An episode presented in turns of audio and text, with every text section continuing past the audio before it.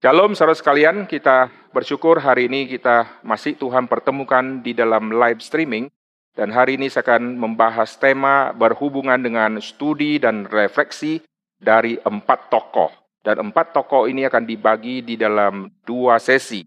Tokoh yang akan dibahas adalah Nuh dan Abraham. Nuh dan Abraham ini akan dibahas di dalam sesi yang pertama ini. Nanti di minggu depan kita akan membahas sesi yang kedua, saya akan membahas Musa dan Yunus. Jadi di dalam dua seri ini, empat tokoh nanti kita akan lihat dan kita akan bahas berkaitan dengan tema Youth in Mission.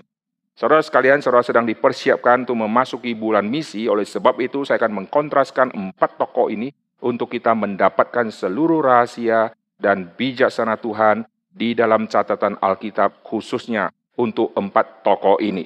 Dan sebelum kita dengarkan cerita tentang Nuh dan Abraham, kita akan tundukkan kepala, kita akan berdoa. Bapak di surga, kami berterima kasih untuk hari ini.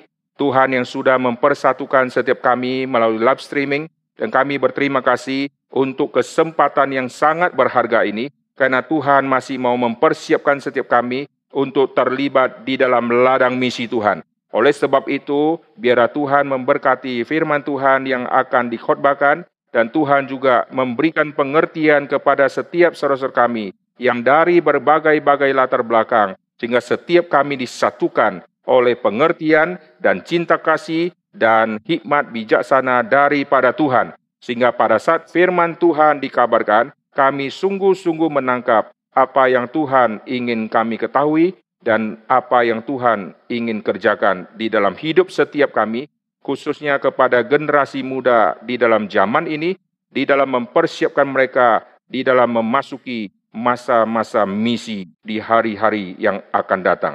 Tuhan pakai hambamu di dalam menyampaikan firman Tuhan dalam nama Tuhan Yesus kami berdoa. Amin.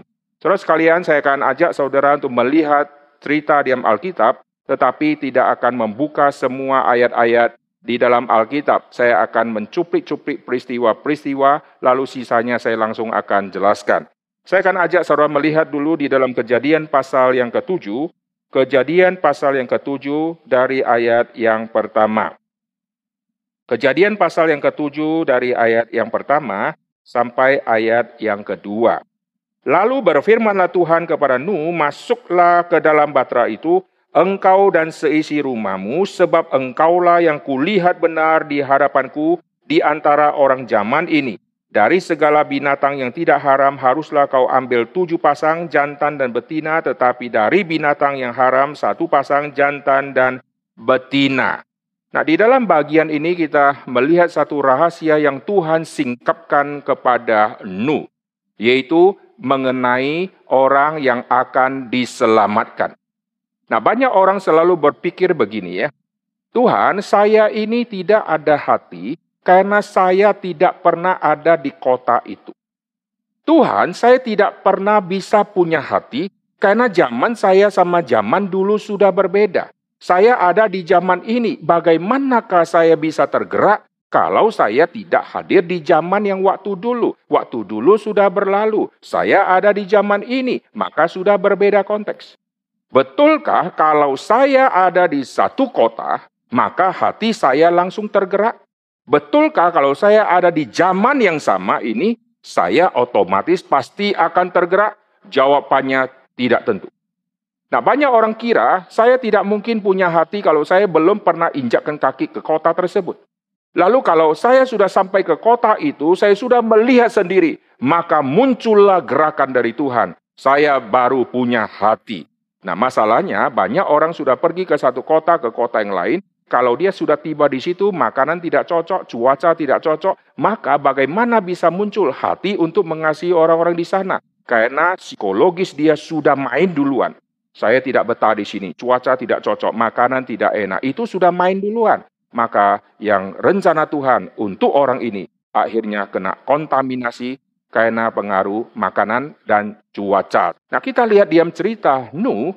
Nuh adalah contoh orang yang pertama yang saya akan bahas, yaitu orang yang ada di zamannya. Orang yang ada di zamannya, tapi hatinya untuk seluruh zaman. Orang seperti ini sudah sangat sedikit di dalam zaman ini. Setiap orang ada hati untuk keluarganya.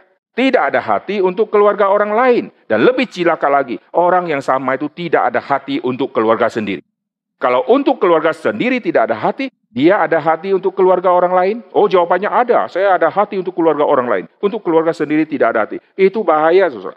Untuk keluarga sendiri, darah daging dia dia tidak ada hati. Untuk keluarga lain dia ada hati, itu tanda tanya besar.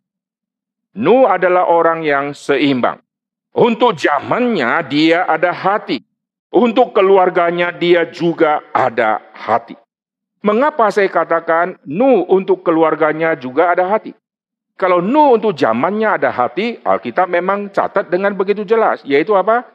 Nu dihidup di zamannya yang begitu rusak. Tapi Nu menjadi pemberita kebenaran, memberitakan kebenaran firman Tuhan kepada orang-orang di zamannya yang akan dimurkai oleh Tuhan. Dia ada hati untuk orang zamannya. Lalu bagaimana dengan keluarganya? Kitab Kejadian tidak mencatat hati Nuh untuk keluarganya seperti apa. Tapi di dalam perjanjian baru muncul satu rahasia yang menarik untuk melihat hatinya si Nuh itu bagaimana. Mari kita lihat kitab 2 Petrus pasal yang kedua. Ini ayat yang sangat menarik dan banyak orang sudah baca ayat ini, tapi saya akan memfokuskan ada kata yang sangat penting di sini, saya akan baca 2 Petrus pasal yang kedua di ayat yang kelima. Dan jikalau Allah tidak menyayangkan dunia purba, tetapi hanya menyelamatkan Nuh, pemberita kebenaran, dengan tujuh orang lainnya. Ketika ia mendatangkan air bah ke atas dunia orang-orang fasik Tuhan menyelamatkan Nuh dan tujuh orang lainnya. Nah, kalimat ini kita sudah dengar berkali-kali, mungkin kita sudah baca berkali-kali. Tetapi apa maksudnya jumlah delapan dipecah menjadi satu plus tujuh? Kenapakah dipecah satu plus tujuh? Kenapa tidak sebut langsung delapan? Karena Alkitab sedang mau menyoroti, Nuh selain ada hati untuk zamannya, Nuh juga ada hati untuk keluarganya. Maka waktu Tuhan memberikan firman kepada Nuh, Nuh harus siarkan kepada keluarganya juga. Kalau dia tidak bisa meyakinkan anggota keluarganya, lalu dia sendiri yang dapat firman, keluarganya bagaimana bisa mengerti apa yang Tuhan ingin dia lakukan, saudara. Dia dapat firman dari Tuhan. Lalu setelah dapat firman dari Tuhan, dia siarkan kepada anggota keluarga dan dalam hal ini saya pakai kalimat Nu memenangkan anggota keluarganya. Nu memenangkan anggota keluarganya. Maka kehidupan Nu saya identik seperti Rahab di Yeriko. Rahab yang ada di Yeriko. Rahab tinggal di Yeriko. Tetapi waktu pengintai datang, Rahab mempunyai pengertian bahwa nanti Yeriko pasti ditumpas habis dan Israel akan mendudukinya. Lalu Rahab mempunyai semacam pemikiran kalau nanti terjadi penumpasan, ingat ya, saya ini jangan ditumpas, tempat ini jangan ditumpas. Lalu terjadilah ikatan perjanjian dengan dua pengintai. Ikatan perjanjian itu berbunyi apa? Yaitu orang yang ada di rumahmu anggota keluarga yang ada di rumahmu, maka nanti terjadi penggempuran yang ada di dalam rumah ini akan diselamatkan. Kalau dia keluar, maka resiko dia akan mati. Oke, setelah deal, maka terjadilah penggempuran. Mari kita lihat di dalam kitab Yosua, waktu terjadi penggempuran. Ingat, konfirmasi dari dua pengintai, lalu ikatan perjanjian ini dilakukan secara internal dari pengintai sama Rahab. Tidak didengar oleh orang-orang yang lain. Lalu apa yang terjadi? Perhatikan Yosua pasal yang ke-6. Saya akan membaca ayat yang ke-22 dan ayat 23. Perhatikan. Tetapi kepada kedua orang pengintai negeri itu Yosua berkata, "Masuklah ke dalam rumah perempuan sundal itu bawalah keluar perempuan itu dan semua orang bersama-sama dengan dia, seperti yang telah kamu janjikan dengan bersumpah kepadanya. Lalu masuklah kedua pengintai muda itu dan membawa keluar Rahab. Perhatikan, Rahab, ayahnya, ibunya, saudara-saudaranya, dan semua orang yang bersama-sama dengan dia. Bahkan seluruh kaumnya dibawa mereka keluar. Jadi siapakah yang berkumpul di rumah Rahab? Itulah daftar yang diliskan di sini. Ada ayahnya, ada ibunya, ada saudaranya, dan ada orang-orang sekaumnya ngumpul di situ. Siapakah mereka? Mereka adalah orang yang dimenangkan oleh Rahab. Karena Rahab sama pengintai, ini ikatan perjanjian secara internal.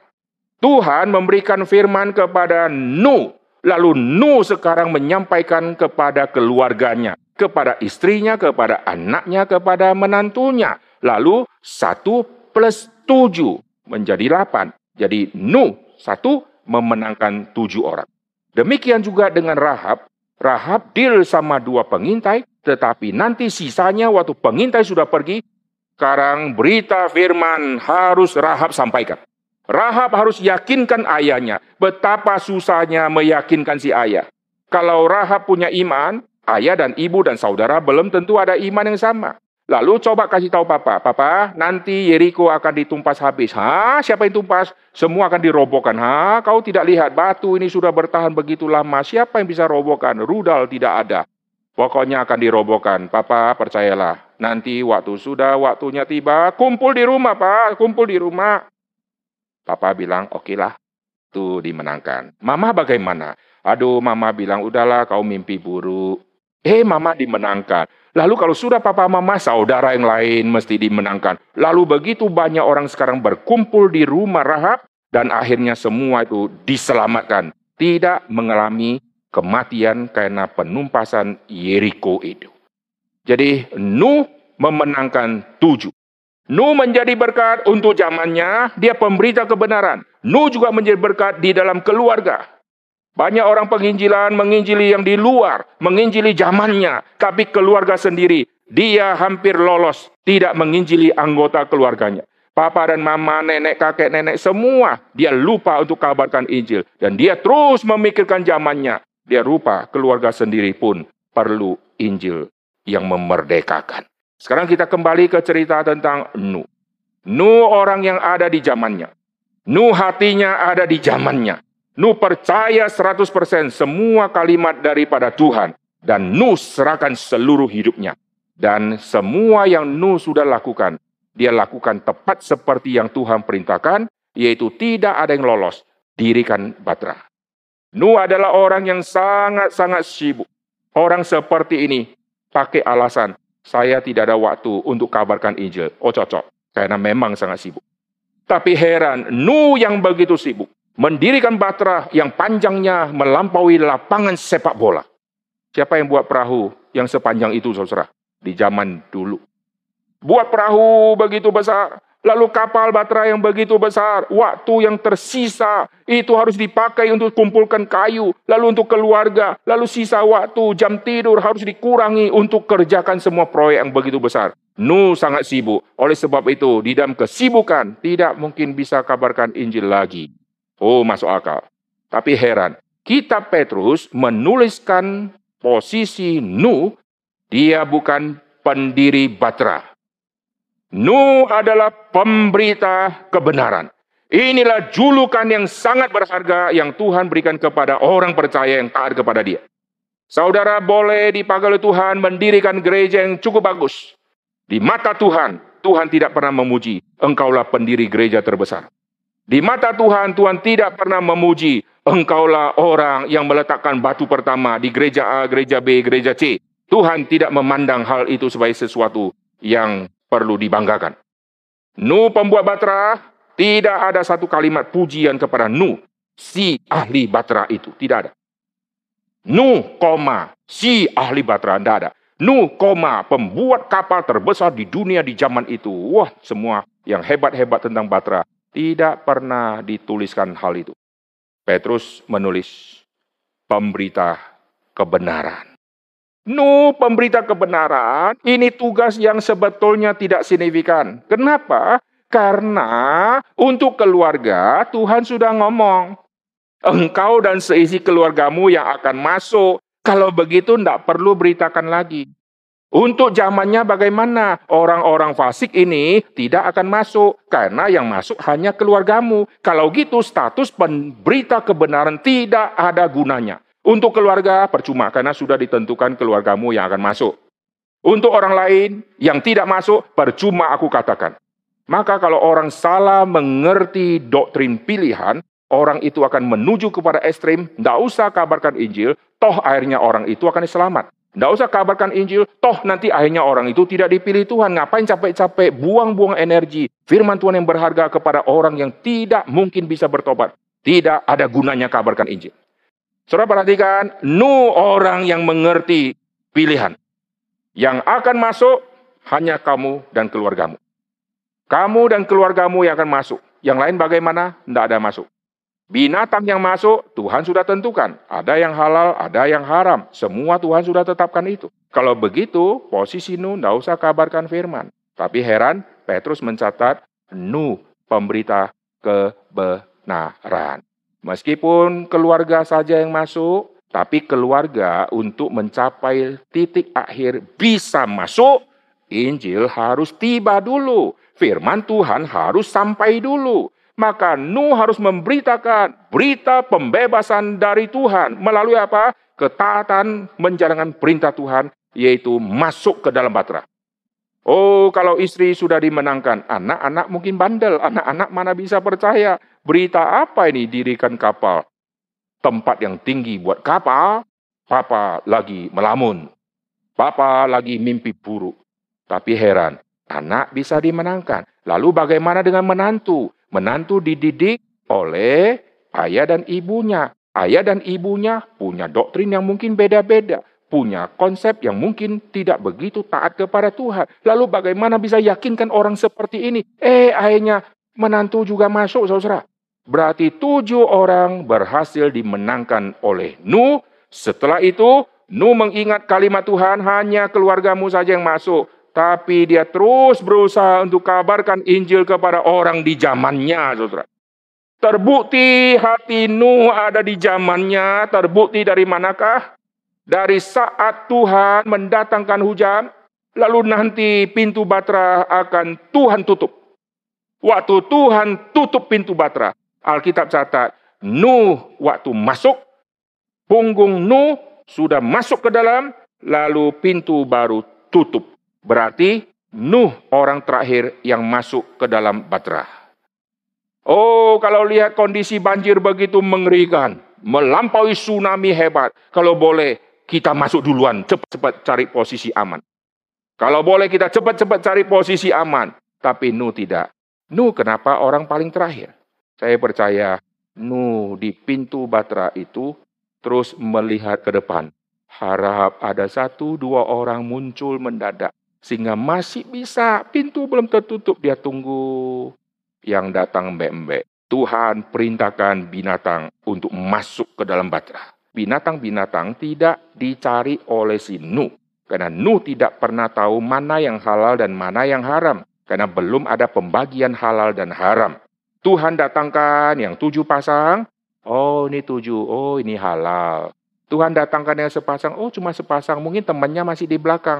Tunggu-tunggu nggak datang lagi. Oh yang ini haram berarti cuma sepasang. Dari situ Nuh mengetahui dari perbedaan jumlah. Tidak ada hubungan dengan makanan halal dan haram. Karena nanti ada hubungan dengan persembahan. Nu nanti kasih kepada Tuhan yang halal. Jadi halal dan haram pertama kali muncul di Alkitab tidak ada urusan dengan makanannya manusia. Dan Nu tidak mencari binatang satu persatu untuk masukkan ke dalam batra. Alkitab catat Tuhan yang mendatangkan binatang itu masuk ke dalam batra. Jadi Tuhan mau katakan apa? Lihat, binatang mendengarkan perintah Tuhan. Tuhan waktu memanggil binatang masuk satu persatu binatang yang katanya tidak punya otak, yang katanya binatang liar, satu persatu waktu Tuhan sudah perintahkan semua jinak jalan naik gunung masuk ke dalam batra. Manusia dicipta oleh Tuhan dengan wujud tubuh yang luar biasa. otak yang bisa menangkap semua perkataan. Tetapi waktu perkataan firman tiba kepada dia, melalui Nuh Tuhan berfirman, manusia mentertawakan dan manusia tidak mau masuk ke dalam batra. Sejak dari zaman Nuh kita melihat ketatan binatang luar biasa. Tuhan memanggil binatang-binatang masuk. Tapi waktu Tuhan memakai Nuh memanggil manusia, lalu berita firman Tuhan dikabarkan, orang menolak dan mencemooh, saudara. Nanti puncaknya kita akan melihat di cerita Yunus. Itu nanti di seri yang berikutnya. Seri pertama ini saya akan membahas tentang Nuh dan Abraham. Kontras dari dua orang ini. Nanti setelah selesai semua sesi, kontras dari empat orang. Saudara model orang yang mana? Kita kembali, Nuh orang yang ada di zamannya. Nuh adalah orang yang menjadi berkat, yang memikirkan orang zamannya. Dan dia juga menjadi berkat, mengabarkan Injil kepada yang ada di keluarganya. Apa bedanya dengan si Lot? Nu sama Lot mempunyai perbedaan yang luar biasa. Lot ada di kota Sodom. Lalu Nu ada di zamannya. Dua orang ini dikontraskan di dalam kitab Petrus. Apa yang terjadi dengan dua orang ini? Yang sama-sama ada di zamannya. Yaitu di zaman Sodom dan Gomora dan di dalam zaman Nuh, diwakili oleh Nuh dan diwakili oleh Lot. Mari kita kembali ke kitab Petrus untuk kita lihat paralelnya. Dua Petrus pasal yang kedua, kita akan melihat paralel dari dua tokoh ini. Lihat sekali lagi ayat kelima, jikalau Allah tidak menyayangkan dunia purba, tetapi hanya menyelamatkan Nuh, pemberita kebenaran, dengan tujuh orang lainnya, ketika ia mendatangkan air bah ke atas dunia orang-orang fasik, dan jikalau Allah membinasakan kota Sodom dan Gomora dengan api dan dengan demikian memusnahkan dan menjadikannya suatu peringatan untuk mereka yang hidup fasik di masa-masa kemudian. Ayat ketujuh, tetapi ia menyelamatkan Lot, koma, orang benar. Ah, Lot dikasih pujian di dalam seluruh Alkitab cuma muncul di dalam kitab Petrus ini. Yaitu Lot disebut orang benar. Nanti kita akan bahas waktu kita masuk ke dalam cerita Abraham. Lot orang benar, dia terus menerus menderita oleh cara hidup orang-orang yang tak mengenal hukum. Nuh juga melihat orang-orang yang hidup di zamannya yang tidak taat kepada Tuhan. Sama, sama-sama melihat. Lalu ditambah keterangan, dan yang hanya mengikuti hawa nafsu mereka saja. Sebab orang benar ini tinggal di tengah-tengah mereka. Setiap hari melihat dan mendengar perbuatan-perbuatan mereka yang jahat. Sehingga jiwanya yang benar itu tersiksa. Saudara lihat di dalam kontras dua tokoh ini, Petrus mau sampaikan apa? Ini dua kontras, satu yang positif, satu yang negatif. Yang positif itu adalah si Nuh pemberita kebenaran, Lot hanya sampai kepada status orang benar. Nuh pasti orang benar. Tetapi orang benar tidak boleh hanya berhenti sampai status orang benar.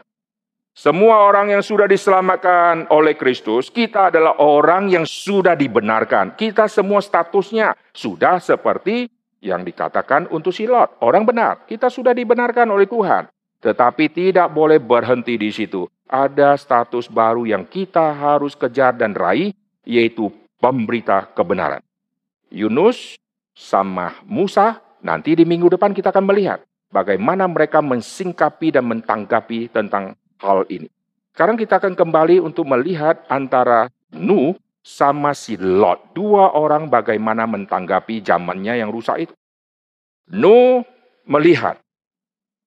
Nuh mendengar. Nuh pasti melihat orang zamannya begitu rusak. Nuh pasti mendengar semua perbuatan-perbuatan dan perkataan-perkataan dari orang-orang fasik yang menghina Tuhan. Nuh setiap hari juga melihat. Nuh setiap hari juga mendengar. Lihat, mata, telinga, dan mulut berkata-kata. Apa bedanya di Lot? Lot orang benar. Mata, lihat. Telinga, dengar. Mulut, tutup. Itu bedanya. Saya ulangi ya. Nuh di zamannya pasti melihat orang rusak. Nuh di zamannya pasti mendengar semua perkataan-perkataan orang-orang fasik yang mencemooh Tuhan. dan dia buka mulut sebagai pemberita kebenaran. Lot melihat orang Sodom dan Gomora begitu rusak. Sudah setiap hari melihat. Lalu setiap kali sudah mendengar. Mata melihat, telinga mendengar, mulut tidak pernah berkata-kata. Maka status Lot tidak pernah disebut pemberita kebenaran. Seumur hidup Lot tinggal di kota Sodom tidak menghasilkan satu buah apa pun. Tidak memenangkan satu jiwa apa pun. Istrinya juga tidak berhasil dia menangkan. Istrinya menoleh ke belakang jadi tiang garam, menjadi objek wisata. Yang Nu, menantunya taat dengarkan firman, ikut masuk batra. Yang Lot itu calon menantu ketawain dia, saudara. Lalu bagaimana dengan dua anak? Anak yang gadis ini. Oh, anak yang gadis taat ya, ikut si Lot, tidak noleh ke belakang. Oke, yang mama tidak taat, sudah jadi tiang garam. Lalu sisa dua anak taat? Tidak. Karena Petrus hanya mencatat Lot yang disebut orang benar. Anak Lot tidak pernah disebut orang benar. Dua anak gadisnya tidak pernah disebut orang benar. Dan dua anak gadisnya akhirnya memperkosa Lot di dalam goa. Lot tidak berhasil membuka mulut menangkan anggota keluarganya. Tidak berhasil buka mulutnya untuk memenangkan calon menantunya. Bagaimana bisa memenangkan orang-orang kota yang penuh dengan homoseks itu? maka Lot hanya berstatus sebagai orang benar. Seperti kita berstatus orang Kristen, tidak menghasilkan apa-apa di zaman kita. Nuh adalah contoh yang luar biasa. Dia tahu dunia akan dihabisi oleh Tuhan. Tapi sebelum murka Tuhan yang menyala-nyala tiba, Injil harus cepat tiba kepada mereka. Dalam hati si Nuh masih mengharapkan, ayo mungkin ada orang yang tersadarkan. Mungkin ada orang yang berbalik kepada Tuhan. Waktu hujan sudah mulai, dia lihat sudah mulai mendung. Dia di depan batra itu, harap ada segerombolan orang datang. Jangan segerombolan, satu orang pun tidak ada yang datang lagi. Akhirnya saya percaya dia masuk ke dalam batra dengan bersedih luar biasa. Lalu waktu pintu sudah tertutup, maka selesailah sudah. Tidak ada lagi pengharapan kalau pintu sudah ditutup oleh Tuhan. Lalu untuk yang Nu saya akan tutup dengan cerita begini. Nu di dalam zaman perjanjian lama, waktu air bah turun, ini seperti cerita kiamat di dalam perjanjian lama. Sampai kepada zaman perjanjian baru, Yesus mengkaitkan cerita Nabi Nu ini mirip seperti kedatangan Kristus kali kedua nanti. Sama seperti zaman Nabi Nuh orang makan dan minum, demikian juga zaman nanti kedatangan anak manusia, kedatangan Kristus kali kedua akan kembali seperti zaman Nabi Nuh. Di zaman Nabi Nuh Tuhan pakai air. Nanti di zaman kedatangan Tuhan Yesus kali kedua dengan api. Nah, lihat paralel ini sangat penting. Di zaman Nabi Nuh, menjadi pemberita kebenaran terus kabarkan. Di zaman mendekati kedatangan Kristus kali kedua, kita ini seperti harusnya jadi Nuh-Nuh yang modern, yaitu pemberita-pemberita kebenaran. Tapi heran orang zaman sekarang terus mendebatkan, kalau Tuhan sudah menetapkan, ngapain kita pergi mencari jiwa lagi? Kalau Tuhan sudah memilih, ngapain kita pergi lagi? Debat-debat di internet lah, di buku lah, debat sini, debat WA. Sampai lama akhirnya Injil tetap tidak dikabarkan. Kembali Pikir seperti Nu yang masuk ke batra keluargamu. Udah, tidak usah banyak teori yang lain. Sekarang keluargaku, kalau masuk, Injil harus tiba dulu. Firman Tuhan harus tiba dulu. Saya harus meyakinkan kepada mereka berita penyelamatan ini dulu. Kalau zaman saya tidak ada orang yang diselamatkan, mereka harus dengar firman Tuhan dulu. Jangan-jangan ada satu dua yang bertobat. Masih mengharapkan. Meskipun sudah dikasih tahu, tidak mungkin ada. Inilah jiwa pekabar Injil. Pekabar Injil selama hari masih siang, masih ada kesempatan. Orang itu belum mati, masih ada kesempatan. Kejar waktu yang terakhir itu. Jangan-jangan di detik-detik terakhir dia mengaku Kristus sebagai Tuhan dan Juru Selamat. Kalau sampai detik terakhir tetap menolak, ya udah kita sudah kerjakan bagian kita. Selanjutnya, biar Tuhan yang akan menyelesaikan semua hukuman yang Tuhan akan tibakan kepada orang yang menolak Kristus itu. Oke, cerita Nu saya simpulkan dengan kalimat sederhana tadi. Nuh ada di zamannya, Nuh ada hati untuk zamannya, Nuh juga memperhatikan keluarganya. Lalu tokoh yang kedua adalah Abraham. Abraham tidak ada di Sodom Gomora. Abraham punya hati ada di Sodom dan Gomora. Lot ada di Sodom dan Gomora. Hatinya tidak ada di orang-orang Sodom dan Gomora. Terus pikir sendiri. Pokoknya saya sudah bisa berkeluarga di situ, sudah punya anak di situ, usaha lancar, gembala-gembala saya makin banyak, ternak saya makin banyak, Inilah hidupku yang diberkati oleh Tuhan. Hanya berhenti di situ. Banyak orang hidup hanya berhenti di pekerjaan, di keluarga, lalu status sebagai orang Kristen, orang zamannya rusak, saya tidak ikut kerusakan, lalu pasif-pasif sebagai orang Kristen, lalu selesai menunggu waktu mati. Persis si Lot tidak menghasilkan apa-apa. Lalu apa yang terjadi dengan Abraham? Abraham mestinya tidak perlu ada hati untuk kota Sodom dan Gomora. Di zaman Abraham hidup, daerah yang betul-betul penuh maksiat, itulah daerah Sodom dan Gomora. Lalu, Sodom dan Gomora daerah yang penuh dengan maksiat.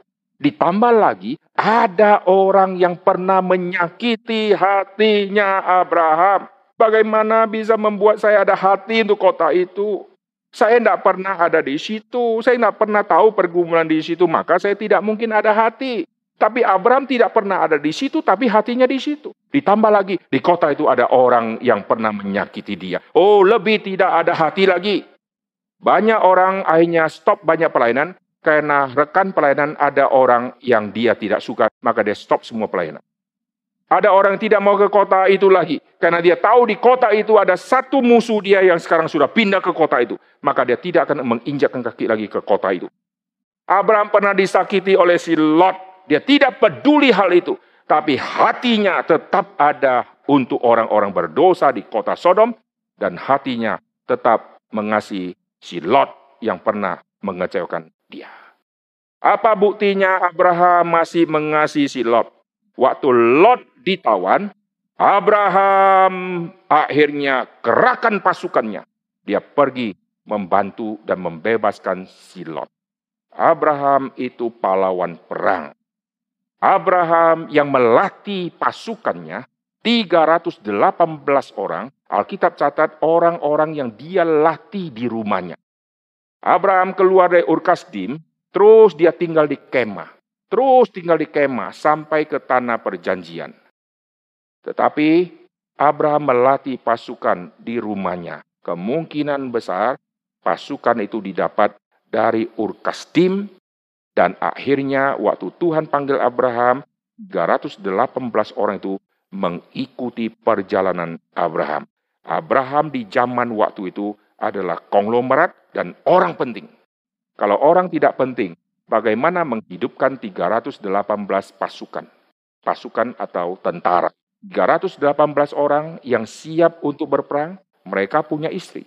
Mereka yang punya istri pasti ada yang punya anak. Mereka punya kebutuhan fisik untuk makan dan tidur. Siapa yang cukupkan itu? Mereka tentaranya Abraham. Abraham pasti orang berduit. 318 orang bersama dengan Abraham. Lalu mereka pergi menggempur musuh, bebaskan Lot bebaskan perempuan-perempuan, bebaskan barang-barang ditawan, lalu setelah bebaskan, Alkitab tidak pernah catat, Lot berkata, terima kasih Bapak Abraham atas kebaikanmu. Tidak ada kalimat terima kasih dari si Lot. Oh kalau mau tambah sakit hati Abraham, tambah sakit hati saudara. Lalu Lot sekarang masuk ke Sodom kembali. Sudah masuk ke Sodom kembali. Wah lebih membuat Abraham tidak ada hati lagi untuk kota Sodom. Karena ada orang yang keterlaluan, sudah ditolong, nggak pernah kamsiap. Tapi Abraham tidak. Abraham hatinya luar biasa. Sampai waktu Tuhan berkata kepada Abraham, keluh kesah tentang Sodom telah sampai kepadaku, aku akan menghancurkan kota Sodom. Abraham tidak pernah ada di Sodom, tapi hatinya ada di situ. Jadi omong kosong kalau orang berkata, aku kalau tidak tiba di satu kota, aku tidak mungkin bisa punya hati. Abraham ada hati di kota Sodom. kota yang penuh dengan orang-orang dursila, dan kota yang ada orang yang pernah menyakiti dia ada di situ. Tapi hati tetap ada di situ. Oleh sebab itu di dalam pelayanan saudara jangan campur aduk antara pimpinan Tuhan sama psikologis diri. Pimpinan Tuhan, Tuhan gerakkan pergi ke sana. Psikologis diri menolak. Kenapa? Kota itu ada musuh. Tuhan gerakkan ke sana. Psikologis diri langsung menolak. Secara fisik, saya tidak bisa tinggal di tempat seperti itu. Langsung kita menolak. Abraham tidak. Waktu Abraham mendengarkan tentang Sodom dan Gomora mau dihancurkan. Lembah Yordan itu ada lima kota. Salah satunya Sodom dan Gomora. Tuhan tunggang balikkan kota-kota di lembah Yordan. Lembah Yordan yang Tuhan tunggang balik, empat kota akhirnya hancur. Yaitu Sodom, Gomora, Atma, Zeboim. Sodom, Gomora, Atma, Zeboim. Empat kota ditunggang balik oleh Tuhan dan kota di lembah Yordan ada lima. Satu Zoar. Zoar tidak ditunggang balik. Zoar artinya kecil. Nanti Lot lari ke pegunungan. Tuhan mencintai Lot. Kota Zoar tidak Tuhan tunggang balik. Empat kota Tuhan tunggang balik habis. Dan Alkitab selalu pakai istilah Sodom dan Gomora. Karena Sodom dan Gomora sudah mewakili kota di lembah Yordan. Kalau detailnya, itulah empat kota yang dihancurkan. Saudara perhatikan, Tuhan akan menghancurkan. Wah, Abraham waktu dengar seperti itu, langsung muncullah di otak dia. Semua orang-orang fasik yang tinggal di kota Sodom. Lalu mereka akan binasa. Lalu ada Lot orang benar ada di situ. Kalau terjadi binasa, lalu bagaimana? Lalu perhatikan, Abraham berdoa untuk kota Sodom. Lot tidak pernah muncul di dalam Alkitab. Lot berdoa untuk orang-orang Sodom. Tidak pernah. Waktu dua malaikat tiba di kota Sodom, bahwa kota Sodom nanti akan dihancurkan. Tidak pernah muncul. Akhirnya Lot minta izin kepada dua tamu itu. Saya mau masuk ke kamar, saya mau doakan kesusahan yang akan terjadi nanti. Tuhan akan menghancurkan kota Sodom. Mestinya begitu, tapi tidak ada, saudara. Alkitab catat, malah Lot yang berlambat-lambat. Dia rasa ya tidak ada signifikansi, lambat-lambat saja. Karena hatinya sudah membeku tidak ada lagi gerakan untuk orang-orang berdosa di zamannya. Abraham bagaimana? Abraham berkata kepada Tuhan, Tuhan, kalau ada 50 orang benar, apakah engkau menghancurkan kota Sodom? Perhatikan, Abraham mewakili orang-orang berdoa kepada Tuhan. Dan Abraham ingin kota Sodom jangan dihancurkan. Dengan dia munculkan, Tuhan kalau ada 50 orang benar, apakah engkau menghancurkan kota Sodom? Berarti orang-orang fasik juga hancur? Tuhan bilang tidak. Banyak orang salah tafsir, oh doa ini merubah ketetapan Tuhan. Akhirnya Tuhan pelin-pelan rubah, rubah, rubah. Karena doa menggoncang kerajaan sorga. Itu semua konsep yang salah. Doa kalau menggoncang kerajaan sorga, ini kurang ajar, saudara. Saudara perhatikan Papa lagi duduk di kursi papa. Lagi duduk. Anak datang. Berkata kepada papa. Sambil goncang-goncang kursi papa. Papa bilang kurang ngajar nih anak. Mau ngomong-ngomong saja. Tidak usah goncang-goncang. Oh doa menggoncang kerajaan sorga. Doa kalau menggoncang kerajaan sorga. Sorga digoncang-goncang oleh manusia. Kita menggoncang kerajaan setan. Itu yang benar. Bukan menggoncang kerajaan sorga. Semua orang sudah salah konsep karena dididik oleh pendeta-pendeta atau ajaran-ajaran yang palsu. Abraham berkata, Tuhan kalau ada 50, apakah engkau menghancurkan? Tuhan sudah berkata, pasti hancur. Tapi Abraham bilang, kalau ada 50, Tuhan bilang tidak hancur. Oh Tuhan pelimpan. Kalau begitu Tuhan akan rubah-rubah. Tidak. Coba kita telusuri. Abraham waktu sudah dengar, tidak hancur. Kalau ada 50 tidak hancur. Tuhan kan bilang hancur. Kalau begitu, Tuhan yang pelimpan atau saya yang salah keluarkan angka. Karena Tuhan bilang pasti hancur. Lalu Tuhan bilang kalau ada di 50, pasti tidak hancur. Berarti tidak mungkin ada 50. Akhirnya yang berubah adalah Abraham. Bukan Tuhan yang berubah. Abraham berubah. Waktu dia berubah, dia rubah angka, saudara. Kalau ada 45, Tuhan tidak rubah. Abraham yang rubah. Tuhan bilang, kalau ada 45, aku tidak akan hancurkan. Nah, Tuhan pelin-pelan, Tuhan berubah. Tidak. Abraham mikir lagi, Hah? Tuhan sudah kasih tahu pasti hancur. Tapi kalau ada 45 tidak akan hancur. Berarti tidak mungkin ada 45. Maka dia rubah lagi. Jadi doa merubah kita yang konsepnya salah untuk menuju kepada apa yang Tuhan ingin kita ketahui. Maka doa adalah tempat di mana kita dikoreksi oleh Tuhan. Bukan kita mengkoreksi tindakan Tuhan. Tapi kita dikoreksi oleh Tuhan. 50, 45. Tuhan, kalau ada 40 bagaimana? Ah, dia rubah lagi saudara ya. Jadi 40. Tuhan bilang kalau ada 40 aku tidak akan hancurkan. Wah dia pikir 30 juga tidak ada. Kalau saya jadi Abraham saya akan berpikir begini. Seingat saya cerita Nabi Nuh itu ada 10 orang selamat. Lalu setelah zaman Nabi Nuh orang-orang fasik sudah habis. Masa orang-orang setelah zaman Nuh mereka tidak pernah dengar cerita Nuh? Pasti pernah dengar. Betapa ngerinya Tuhan. Kalau Tuhan sudah murka, habis kau. Jangan main-main sama Tuhan. Oke, oke, tobat, tobat, tobat, tobat. Nah, kalau di zaman Nabi Nuh ada 10, setelah selesai air bah, mestinya sudah lebih banyak lagi orang yang lebih taat. Maka kalau angka 40, wajar. Eh, 40, kalau ada Tuhan tidak hancurkan. Berarti tidak mungkin. Tadi dia kurang 5. Dari 50 kurang 5, jadi 45. 45 kurang 5 jadi 40. Kalau saya terus ngomong-ngomong angka salah melulu kena tempeleng nanti. Dia rubah angka itu. Tuhan, kalau ada 30, nah dia kurang 10 sekarang. Dari 40 jadi 30. Tuhan kalau ada 30 bagaimana? Abraham rubah terus, bukan Tuhan yang pelin-pelan.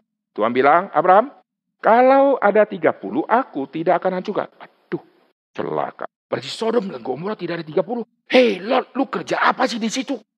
Dulu gembala-gembala yang ikut kamu itu juga gembala-gembalaku dulu. Itu semua gembala-gembala pasti sudah melihat imanku. Lalu kau adalah orang yang sudah melihat imanku. Kau pasti adalah orang yang juga akan menjadi berkat bagi orang-orang di situ. Gembala-gembala ikut. Masa tidak ada yang kau menangkan? Masa 30 juga tidak ada? Lu sudah tinggal di kota Sodom begitu lama. Masa tidak ada satupun yang kau menangkan? Minimal keluar kamu lah. 20 bagaimana? 20. Wah antara ditempeleng Tuhan sama nekat. Aduh tapi Tuhan begitu sabar menjawab. Kalau ada 20, aku tidak akan hancurkan. Waduh, ternyata salah juga. 20 juga salah. Lalu terakhir kali dia berkata, Tuhan, kalau 10, seperti zaman Nabi Nuh, 10, masa tidak ada sih di kota Sodom. Hei kota Sodom, masa 10 tidak ada? Lot sudah satu, kalau ada istrinya satu, kalau ada anaknya, ya 10. Ah, gembala-gembala kalau segembala satu ada, istrinya pasti orang baik. Wah, pasti ada, pasti ada, pasti ada orang benar. Sepuluh, lolos, Sodom bebas. Hati Abraham ada di kota Sodom. Bukan hanya ada di orang benar, tapi ada di diri semua orang fasik. Kalau bisa Tuhan jangan habisi mereka. Inilah jiwa seorang pekabar Injil yang luar biasa. Nuh menjadi contoh teladan yang ada di zamannya dan hati ada di seluruh zamannya. Abraham menjadi contoh teladan. Tidak ada di Sodom, tapi hatinya ada di Sodom. Dan berdoa untuk orang Sodom yang begitu rusak. Karena seluruh tanah kanaan, di mana Abraham tinggal, di seluruh tempat di mana dia bisa jelajah, hanya lembah Yordan yang paling brengsek waktu itu. Dan orang-orang Dursila semua ada di situ. Maka diam Alkitab memakai istilah, ada istilah anggur dari Sodom. Dari Sodom menghasilkan anggur. Kalau ada anggur, pasti ada pesta pora dan mabuk-mabuk. Dan orang Sodom itu orang-orang homo, berarti seksual tidak beres di situ. Dari anak muda sudah homo sampai orang dewasa. Saudara bayangkan, manusia dilahirkan sejak kecil tidak ada orang yang namanya lesbian atau homo.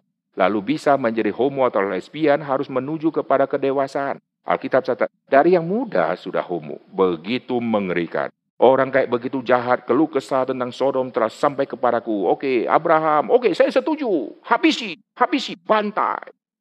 Abraham tidak. Abraham berdoa untuk orang Sodom. Tuhan kalau ada sepuluh, Tuhan dengan hati yang sangat jujur berkata, kalau ada sepuluh, aku tidak hancurkan. Maka ada orang berkata begini, Sodom dan Gomora hancur karena Abraham salah keluarkan angka.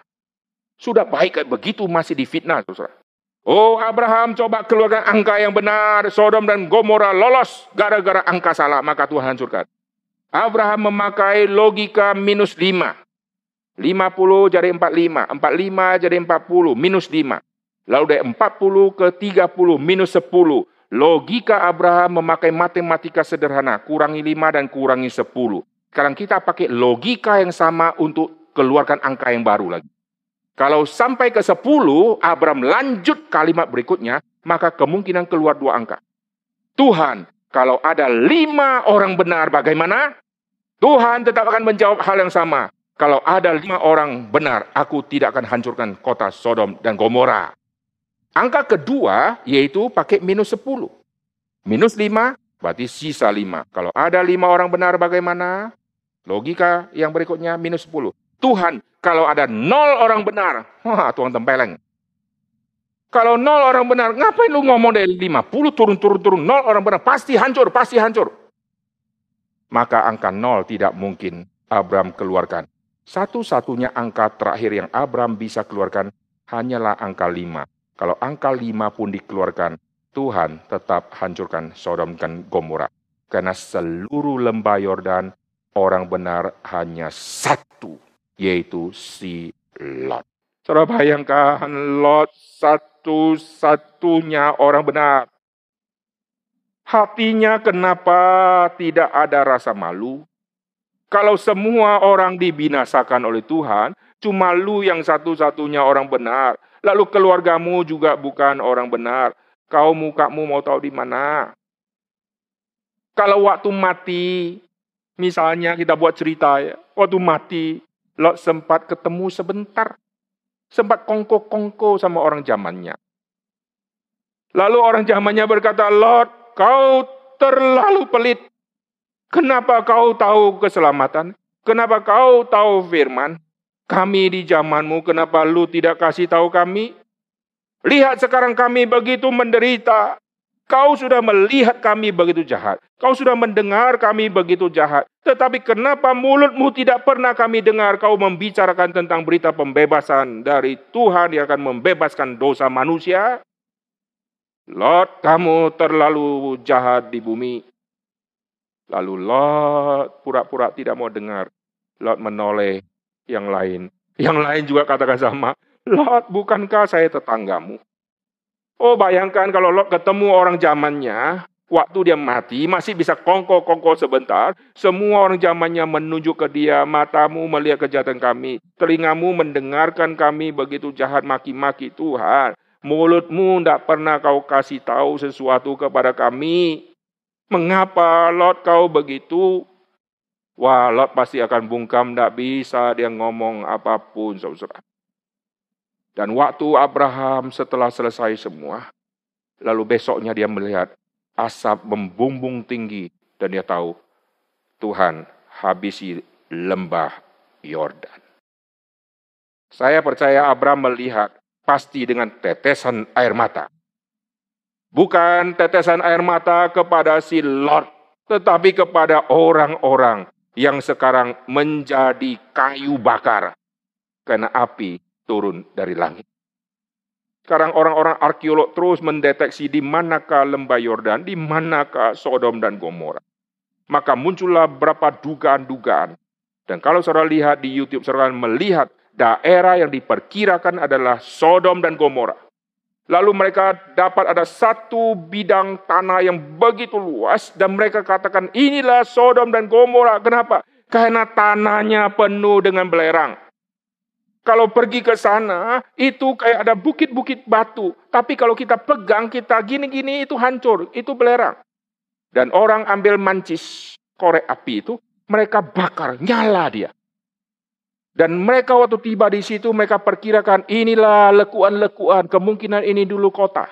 Semua sudah rata dan habis. Dan itu masih ada sisa-sisa belerang. Lalu sebagian tempat terlihat ada bekas bakaran hitam-hitam.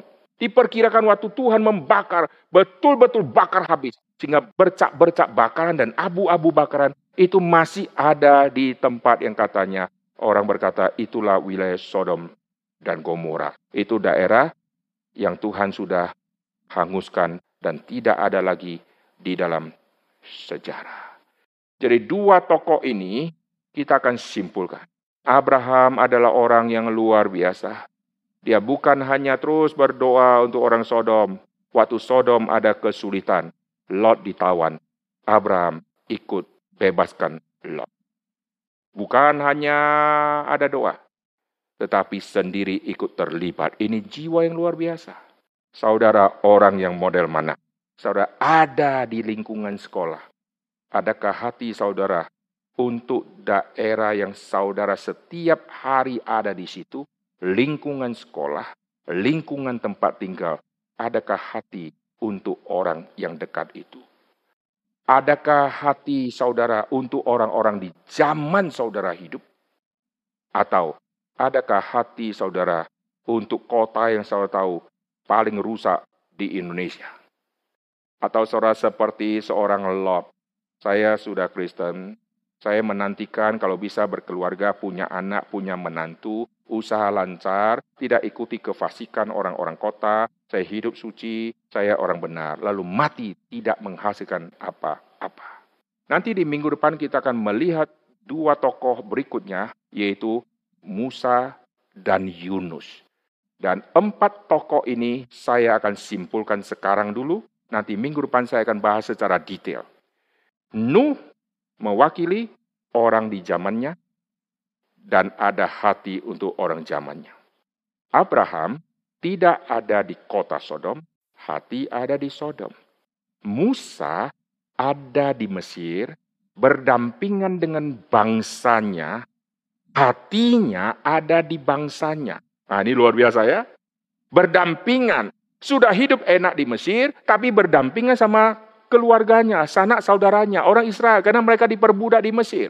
Dan hatinya ada di Israel. Hatinya tidak menantikan tahta dari Firaun, harta benda dari Mesir. Hatinya ada di Israel dan mau membebaskan bangsa Israel. Tapi begitu kecewa, dia tinggalkan semua saudara-saudaranya dan dia pergi ke Midian dan tidak mau balik. Nanti kita akan bahas tentang itu. Tidak ada rencana untuk balik kalau bukan Tuhan yang panggil dia, tidak mungkin balik. Tuhan yang panggil dia pun, dia sendiri tidak mau dengan banyak alasan. Kenapa? Bukankah dulu kau ada hati untuk Israel? Kenapa sekarang lu tidak ada hati lagi? Karena kecewa. Dulu bersemangat luar biasa. Begitu kecewa, langsung tinggalkan. Banyak orang Kristen model kayak begini. Awalnya mengebu-ngebu, setelah mengebu-ngebu, lalu orang yang dia layani mengecewakan dia. Lalu dia tinggalkan semua, lalu pasif, tidak mau terlibat apa pun lagi. Itu tipe Musa. Lalu tipe Yunus bagaimana? Sebelum masuk, tidak ada hati. Setelah masuk, tidak ada hati. Sudah di dalam tidak hati. Keluar dari Niniwe, tetap tidak ada hati. Itulah empat tokoh yang nanti minggu depan kita akan selesaikan dua tokoh berikutnya. Dan setelah nanti kita bicara empat tokoh, saudara masuk yang mana? Mari kita berdoa. Bapak dalam surga kami berterima kasih untuk firman Tuhan yang sudah kami dengarkan ini. Tuhan bukalah mata rohani kami. Tuhan celikkanlah kami. Ajarkan kami ya Tuhan. Melihat tokoh-tokoh di dalam Alkitab. Dan tidak lagi mengulangi kesalahan-kesalahan yang pernah mereka lakukan Biar roh kebenaran terus memimpin setiap kami. Dan kami berdoa ya Tuhan, Tuhan persiapkanlah anak-anak muda yang suatu saat akan berpisah dan pergi ke satu kota ke kota-kota yang lain, pergi dari satu negara ke negara-negara lain. Tuhan tetap berikan kepada mereka hati seperti Nuh. Tuhan juga berikan kepada mereka hati seperti Abraham, supaya kehendak Tuhan bisa terjadi dan Tuhan terus memakai setiap mereka di dalam kesibukan mereka di dalam dunia pekerjaan ataupun keluarga nanti, tetap mereka harus ingat status mereka. Bukan hanya sebagai orang benar, tapi mereka status adalah pemberita kebenaran. Tuhan pakailah mulut mereka, supaya apa yang mereka katakan sungguh-sungguh menjadi berkat bagi banyak orang, dan Injil Tuhan bisa terus disebarluaskan melalui kelompok anak-anak muda yang kelak akan meninggalkan sekolah mereka yang akan lulus tersebar di seluruh Indonesia ataupun pergi ke luar negeri. Dan sebelum mereka pergi ke tempat-tempat yang jauh, di lingkungan di mana mereka selalu berada setiap hari, biarlah mereka menjadi saksi untuk memenangkan begitu banyak orang, teman-teman mereka, sanak saudara, dan keluarga besar mereka. Dengar doa kami ya Tuhan, dalam nama Tuhan Yesus kami berdoa. Amin. Tuhan memberkati, sampai ketemu di minggu depan. Tuhan menyertai. Shalom.